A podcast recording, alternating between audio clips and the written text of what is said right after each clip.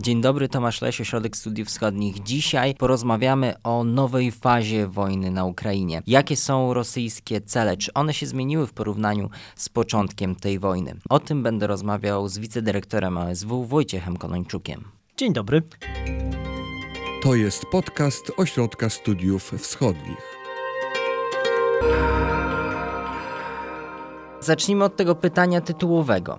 Jakie są rosyjskie cele teraz, 13 kwietnia? Czy one się zmieniły w porównaniu do tego, co było 24, gdy Rosja atakowała Ukrainę? Myślę, że te cele, jeśli się zmieniły w ogóle, to się zmieniły nieznacząco. Celem rosyjskim cały czas jest pozbawienie Ukrainy suwerenności. E, o ile operacja kijowska, czyli próba szybkiego zdobycia ukraińskiej stolicy, zakończyła się niepowodzeniem i na początku kwietnia siły rosyjskie wycofały się spod Kijowa i z, całego, z całej północy Ukrainy, o tyle widzimy, że żołnierzy rosyjskich jest coraz więcej w Donbasie, wokół Donbasu, także e, wokół Charkowa e, i na południu. I to nam póki co na tym etapie pokazuje, jaki jest, na tym etapie podkreślę to raz jeszcze, maksymalny zasięg rosyjskich ambicji. Rosjanie próbują zająć cały Donbas, którego wciąż nie są w stanie kontrolować. Około dwóch trzecich terytorium tego regionu ukraińskiego znajduje się pod e, kontrolą rosyjską. Próbują także za, zawładnąć Charkowszczyzną, w tym Charkowem, czyli drugim największym miastem ukraińskim, które nie jest jeszcze w pełni oblężone, natomiast y, możliwości wyjazdu z niego jest coraz, coraz mniej. Na południu Ukrainy, głównie w obwodzie hersońskim, Rosjanie umacniają swoje wpływy.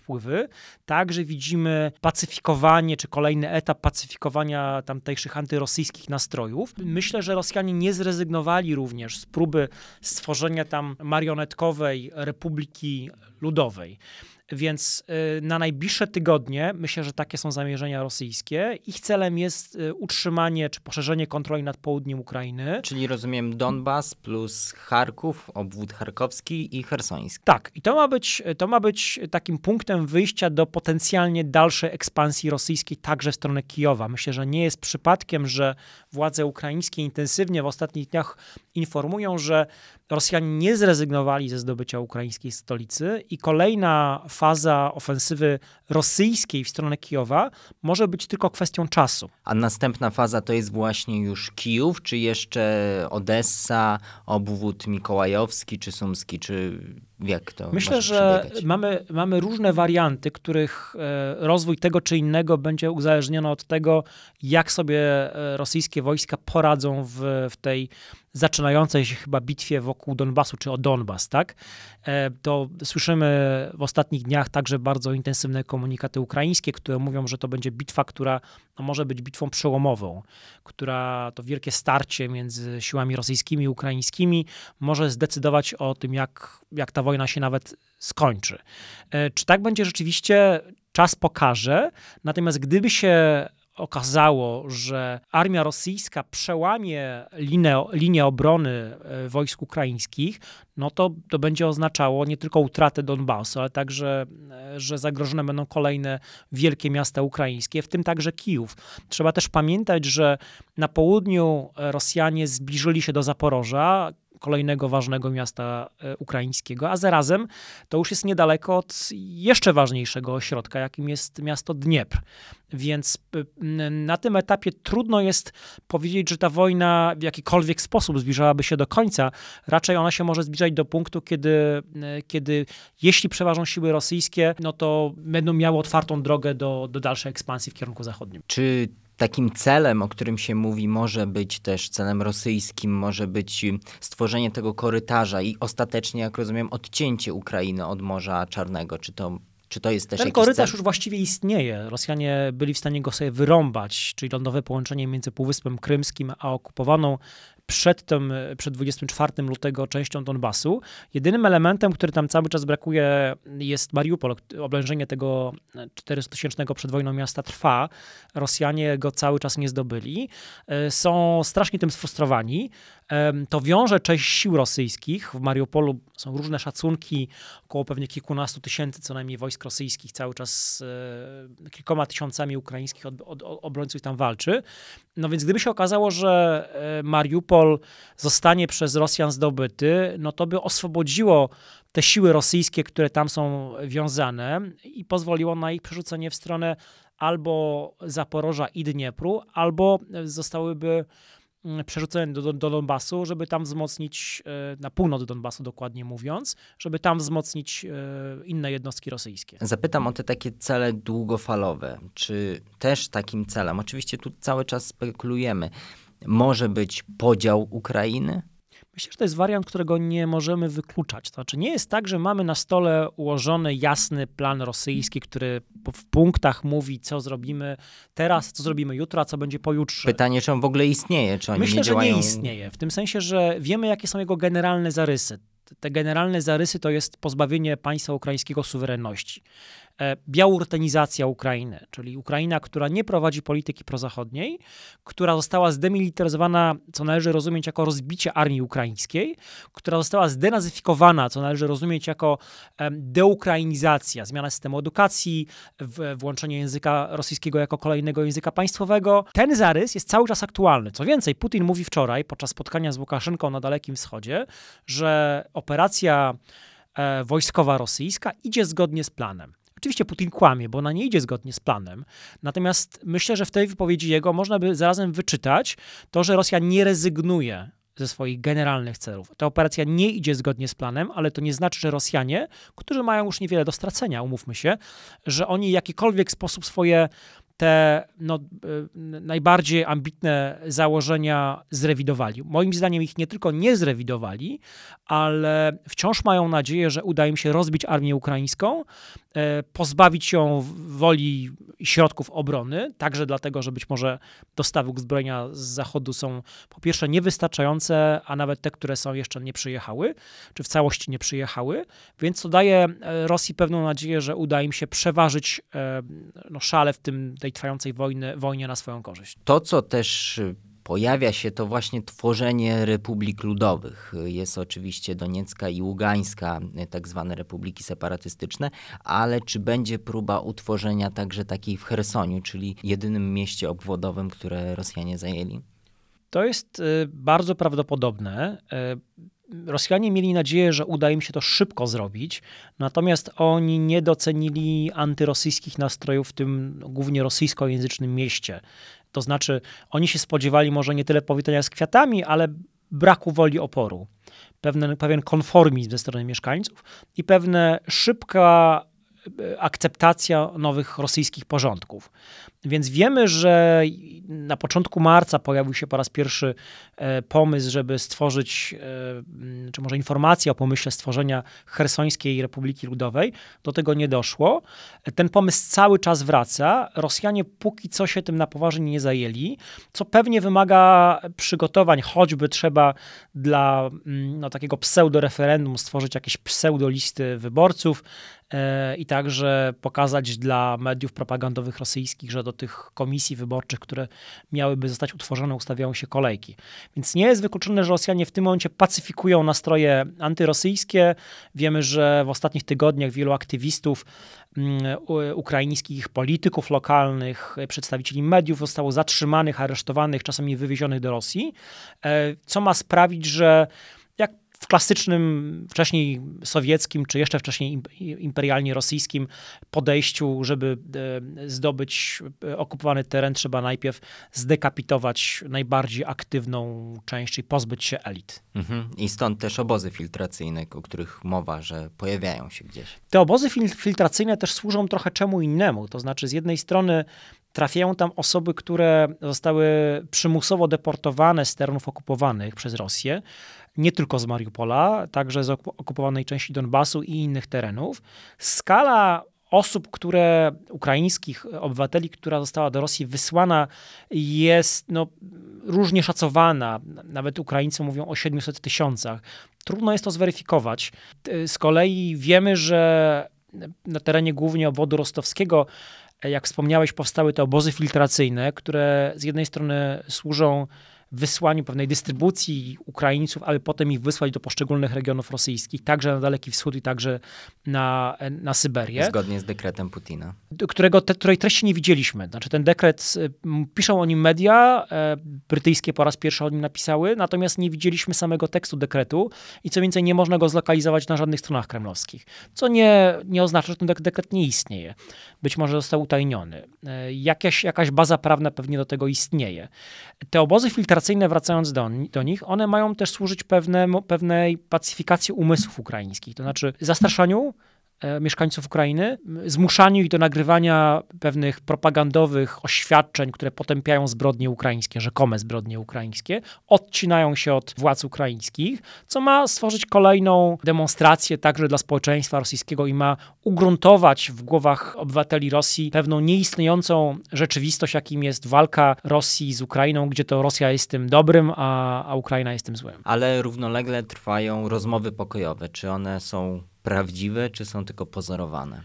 Myślę, że one są w dużym stopniu pozorowane. Żadna ze stron na tym etapie nie uważa, że one miały, mogłyby do czegokolwiek doprowadzić. Y, nie tylko zresztą Ukraińcy, czy, czy, czy, czy może między wierszami Rosjanie mówią o tym, że ta wojna się rozstrzygnie na polu boju, ale co ciekawe, y, także y, Borrell kilka dni temu powiedział o tym, że ta wojna, akceptując nowy plan pomocy finansowej dla, dla, dla walczącej Ukrainy, że ta wojna rozstrzygnie się właśnie na, na polu walki. Więc y, mimo tego, że online cały czas konsultacje rosyjsko-ukraińskie trwają, także prace w podgrupach, no to mam wrażenie, że żadna ze stron nie liczy, że to, że to rozstrzygnięcie zapadnie w, przy stole negocjacji. Ono raczej zapadnie właśnie w polu walki e, i ewentualnie dopiero potem obie strony mogłyby do tego stołu już realnych negocjacji wrócić. Mhm. A jest taki scenariusz na stole, w którym Rosja zadowoli się częścią na przykład tego korytarza, tym korytarzem albo odcięciem Ukrainy od Morza Czarnego, a resztę zostawi w tym statusie neutralnym, bez członkostwa w NATO, ale w miarę suwerenną. Myślę, że to jest wariant, który byłby e, nieidealny z punktu widzenia rosyjskiego, byłby taką nagrodą pocieszenia, ale jeśli by się okazało, że siły rosyjskie nie są w stanie przełamać obrony ukraińskiej i ta linia frontu się jakoś tam ustabilizuje, no to koszty, jakie generuje ta wojna, różnego rodzaju, także jeśli chodzi o zabitych żołnierzy rosyjskich, a to są już przecież liczby idące w kilkanaście tysięcy, no to to będzie, to, to może sprawić, że Rosjanie zaakceptują jakąś tam formę z ich punktu widzenia przejściową, być może aneksji e, Donbasu, na, na co mają właściwie to włącznie od woli politycznej zależy. No i stworzenia pewnych marionetkowych reżimów na południu Ukrainy, być może także w formie Republik Ludowych. W formie Republik Ludowych. E, zobaczymy, jaka będzie przyszłość obwodu charkowskiego. E, no i pytanie o Odessę, która jest e, strategicznie ważna także ze względu na port morski, który jest cały czas blokowany, więc Rosjanie być może by się zadowolili na czas jakiś, podkreślę to, kontrolą nad częścią terytorium Ukrainy, przy kontynuowaniu blokady gospodarczej i tym także ekonomicznym wykrwawianiu państwa ukraińskiego. Ekonomicznym wykrwawianiu, które już teraz się dzieje, bo Rosjanie z determinacją niszczą infrastrukturę krytyczną ukraińską i całą gospodarkę niszczą drogi, niszczą mosty, y, uniemożliwiają e, obsianie części pól w południowej i wschodniej części kraju, blokują porty morskie, w tym wspomnianą wcześniej Odessę. E, zniszczyli niemal wszystkie ukraińskie lotniska. Regularnie, systemowo niszczą również, również przemysł, zakłady, które dawały pracę, czy państwowe, czy prywatne, bynajmniej nie tylko związane z przemysłem wojskowym, także związane z przemysłem cywilnym. Co, to wszystko ma sprawić, że państwo ukraińskie nie tylko nie będzie zdatne do dalszej obrony, ale także będzie skazany na pomoc gospodarczą międzynarodową z gigantycznym bezrobociem, które myślę, że takie są założenia także rosyjskie. Jeśli to nie siły rosyjskie zmienią władzę w Kijowie, to w końcu zrobią to siły, to społeczeństwo ukraińskie samo to zrobi. Zmęczone trwającą wojną, zmęczone gigantycznym spadkiem poziomu życia, bezrobociem, już nie tylko e, emigracją uchodźczą, ale także emigracją zarobkową. Niewykluczone, że takie są właśnie rachuby rosyjskie, ale znowu, wydaje mi się, że Rosjanie cały czas nie doceniają woli obronu, obrony po stronie ukraińskiej, a także tego, że ciągu ostatnich dwóch tygodni, kiedy zaczęły do nas docierać pierwsze zdjęcia z Buczy i innych miejscowości, które, w których popełniono zbrodnie na cywilnych mieszkańcach Ukrainy, jak bardzo to wpłynęło na zmianę perspektywy ukraińskiej na tą wojnę, społecznej perspektywy. To znaczy Ukraińcy, którzy myślę, że jednak w znacznej części się nie spodziewali tego typu działań. Część nie miała złudzeń co do tego, do czego zdolna jest Rosja, ale myślę, że część szczególnie mieszkańców rosyjskojęzycznej Ukrainy miała takie złudzenia, nie spodziewała się, że celem będą także, czy głównym wręcz celem będą także cywile. Więc e, wojna zamieniła się także w wojnę egzystencjalną, a, a to pogłębiło opór ukraiński, który trwa i myślę, że trwać będzie także dlatego, że bucze e, będą się powtarzać. Jeśli chodzi o tą obronę Ukrainy e, przez armię ukraińską, jak rozumiem, też problemem jest to, że ona musi być obecna tak naprawdę na wszystkich frontach, także tych wygaszonych teraz. Tak, dokładnie. Mimo tego, że sił rosyjskich na północy od Kijowa już nie ma, no to to nie oznacza, że e, siły zbrojne ukraińskie mogą zostać przerzucone do tych gorących e, punktów, gdzie cały czas trwają na dużą skalę walki. Nie mogą, dlatego że na terenie Białorusi i w północnych e, obwodach rosyjskich na północ od, od granic ukraińskich cały czas są wojska rosyjskie i także dlatego Ukraina nie wyklucza nowej fazy kampanii w kierunku ukraińskiej stolicy. Więc obrońcy ukraińskiej stolicy, część jednostek ukraińskich cały czas musi stacjonować w, w tej części kraju. W Kijowie pojawiają się także kolejni przywódcy europejscy. Niedawno premier Wielkiej Brytanii Boris Johnson.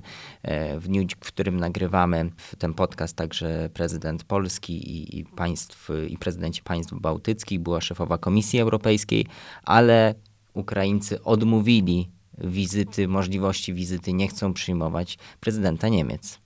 Tak, rzeczywiście e, prezydent Niemiec wyraził wolę pojechania do Kijowa. Ukraińcy mu grzecznie, acz stanowczo podziękowali, mówiąc, że on nie jest politykiem, który byłby w tym momencie e, ukraińskiej historii dobrze przyjęty w Kijowie, co wynika z tego, że to Steinmeier był współarchitektem polityki Niemiec wobec Rosji w ciągu ostatnich wręcz kilkunastu lat.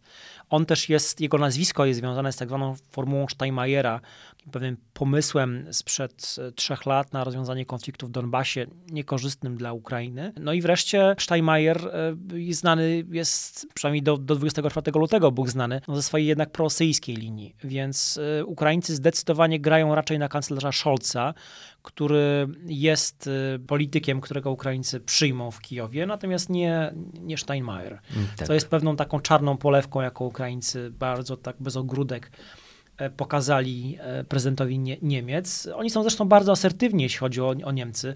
Tam ambasador także, bardzo sobie odważnie działa. Tak, także Andrzej Melnyk, ukraiński ambasador w Berlinie, który jest znany z niedyplomatycznego mocno języka, e, który jest bardzo obecny w mediach niemieckich. On ma bardzo dobrze po niemiecku również mówi, w sieciach społecznościowych, więc on próbuje również także na społeczeństwo niemieckie wpływać, co jest bardzo istotne, skoro nie udaje się Kijowowi pewnych rzeczy od Niemiec Niemiec uzyskać choćby wystarczającej pomocy wojskowej, czy nawet finansowej, no to bardzo słusznie Ukraińcy uznali, że trzeba wpływać na, na zwykłych Niemców, którzy z kolei będą wpływać na swoich polityków. Jeszcze jeśli chodzi o, o Ukrainę i o to, co się teraz dzieje i trochę powrót do obwodu kijowskiego, ale nie tylko. W polskich mediach pojawia się dużo informacji o tym, że część Ukraińców wraca, ale powrót do obwodu kijowskiego nie jest do końca bezpieczny, nie tylko ze względu na to, że Rosjanie mogą tam e, wrócić, ale też ze względu na chociażby bardzo duże zaminowanie terenu. Tak, władze ukraińskie zniechęcają póki co mieszkańców także stolicy do powrotu, uważając, że to jeszcze nie jest ten moment. Natomiast y, jeszcze większy problem jest na północ od stolicy, gdzie z jednej strony mamy wiele miast i miasteczek, wsi, które zostały starte wręcz z powierzchni ziemi i tam po prostu nie ma do czego wracać domy, w których wcześniej mieszkali Ukraińcy, zostały zniszczone, a z drugiej strony mamy też, e, są bardzo różne szacunki, no, gigantyczną ilość rosyjskich min. Tam się mówi wręcz o kilkudziesięciu tysiącach co najmniej, więc rozminowanie terenu będzie wymagało czasu. Przy tym trzeba pamiętać, że Rosjanie e, są niestety bardzo perfidni, dlatego że to są nie tylko takie klasyczne miny, ale także miny na przykład w formie zabawek dziecięcych, które no, efekt takiego ładunku wybuchowego jest, jest e, oczywisty. Więc także dlatego władze władze ukraińskie apelują do uchodźców, także uchodźców wewnętrznych, żeby wstrzymywali się z powrotami do czasu rozminowania. Część Ukraińców zaczęła wracać, aczkolwiek te, na te tereny, gdzie wojska rosyjskie nie weszły. Trzeba pamiętać, że wielu Ukraińców wyjechało za granicę, czy przeniosło się bardziej na zachód, na przykład z Podola, tej e, wschodniej części Podola, gdzie dokąd Rosjanie nie doszli i raczej jest przekonanie, że to się nie stanie, przynajmniej w najbliższej przyszłości. Więc e, te osoby, które, które wyjechały, no to do, na te tereny zaczęli wracać. Także do Kijowa zaczęły się powroty.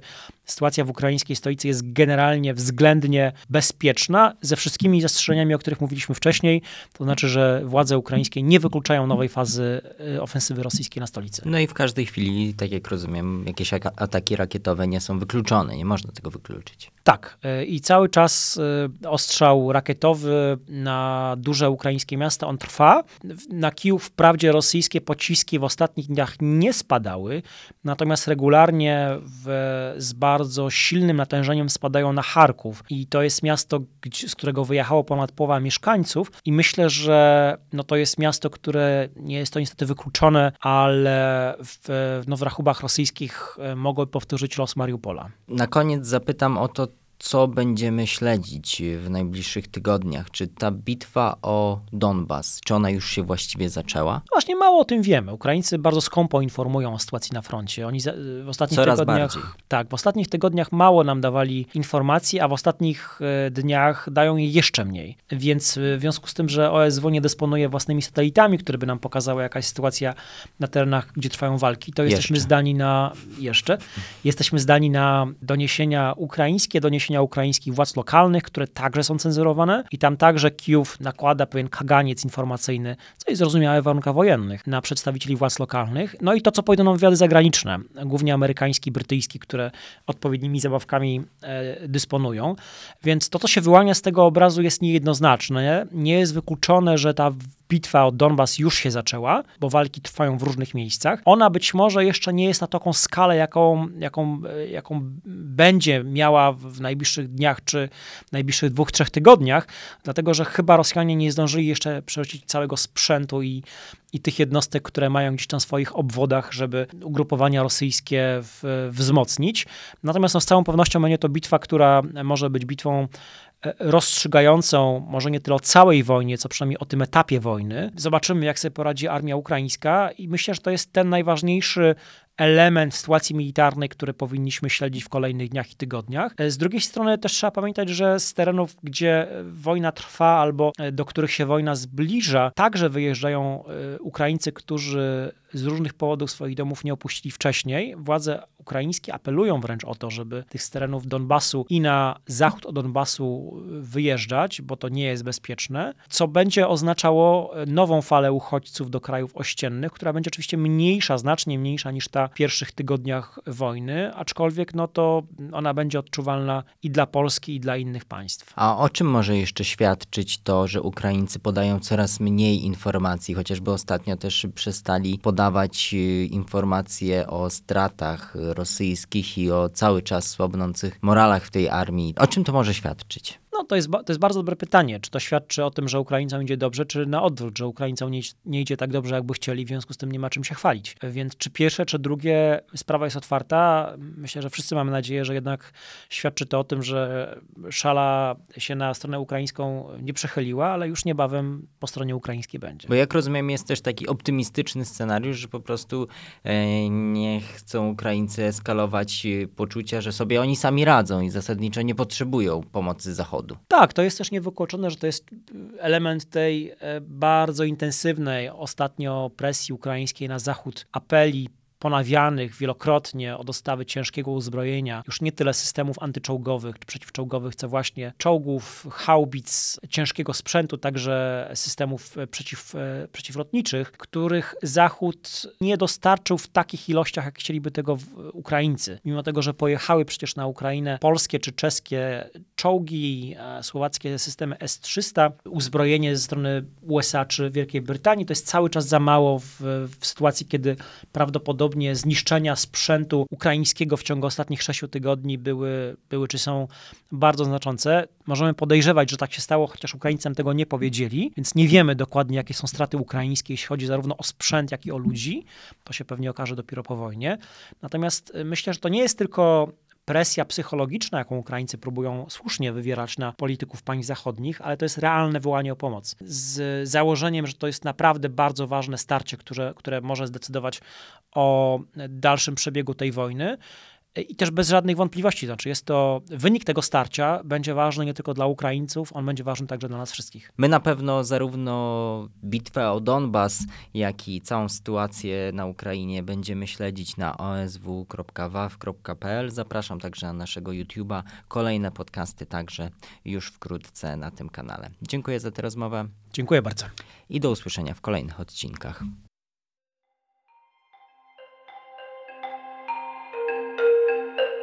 Wysłuchali Państwo podcastu Ośrodka Studiów Wschodnich. Więcej nagrań można znaleźć na stronie www.osw.waw.pl.